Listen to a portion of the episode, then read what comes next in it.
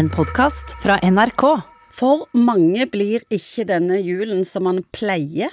Pga. korona har vi fått nye leveregler, restriksjoner og anbefalinger som forhindrer en normal jul, og som betyr at det kan bli ganske kjipt for noen av oss. Og psykolog Egon Hagen regner med du har tenkt litt på dette?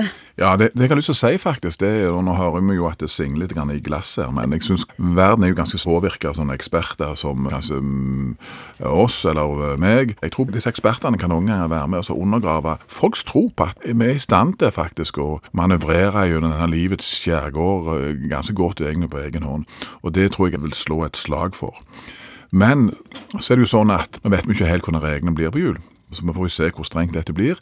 Men det, kan vi ikke bli enige om at vi prøver å tilpasse så godt vi kan, og så holder vi oss til reglene.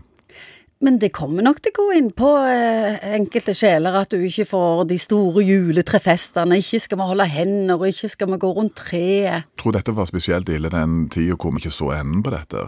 Men nå er det vel litt sånn at vi ser vel at det ligger en, en nedslagssone der i enden av bakken hvor vi kommer til å lande på. Det er snakk om vaksine, og verden er jo liksom begynt å snu litt. Grann. Trumpen er på vei ut.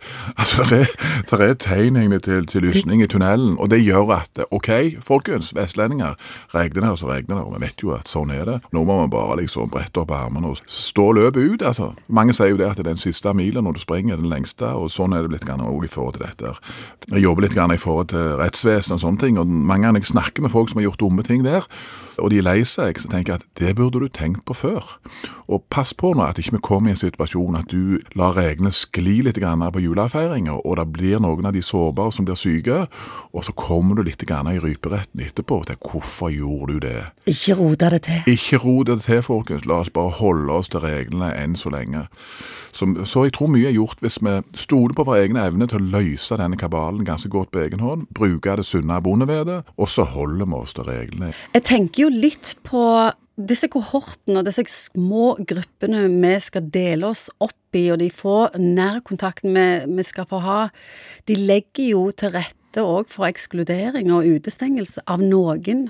Og Noe av problemet er jo selvfølgelig at vi skal beskytte de sårbare. Og Da kan vi komme i den situasjonen at det er de eldre som noen ganger føler at dette smerten blir størst. Og det er litt der jeg mener at uh, der er det kanskje liksom praktisk. Til kan vi finne teknologiske måter å gjøre dette på. Uh, med, ok, Vi kan bare være en liten gjeng på julaften. Kan vi gjøre et eller annet bytte litt på klientellet på julefrokosten? altså Kan vi, kan vi liksom rent praktisk tenke om dette på en måte som gjør at vi greier å favne og ta vare på hverandre så godt som mulig? Her er det en ikke-personlig grunn til at folk blir invitert, eller ikke, eller ikke, invitert. Det er et element av omsorg faktisk i denne måten som gjør dette på. Og da vi stoler på at folk er flinke på liksom å Hva er det på Stavanger, så jokker det til i støyben. og det tror, jeg, det tror jeg faktisk vi kommer til å greie òg i forhold til denne jula, folkens. Neste jul blir det helt annerledes. Så det går jo å være kreative og løsningsorienterte? Ja, vi skjønner jo hva utfordringen består i. Vi har alle fått innprenta disse reglene til det kjedsommelige. Vi vet hva som er offside og hva som er straffer, og hva som er lov og ikke lov. Ja, gjør det beste ut av det. det. Det, går jo an å se det positive òg, å slippe å være 15 mann til jul. Ja, men jeg er helt sikker på at mange tenker å gud for en fredelig jul, å slippe ja. liksom 15 hylende unger på en gang, og liksom eh, denne vanvittige haugen egentlig av gaver som aldri tar slutt. Mm -hmm. Kjørt gjennom dette kanskje på en litt mer strømlinjeforma måte. Og få en fredelig jul. Og kanskje få en fredelig jul, faktisk. altså. Du har hørt en podkast fra NRK.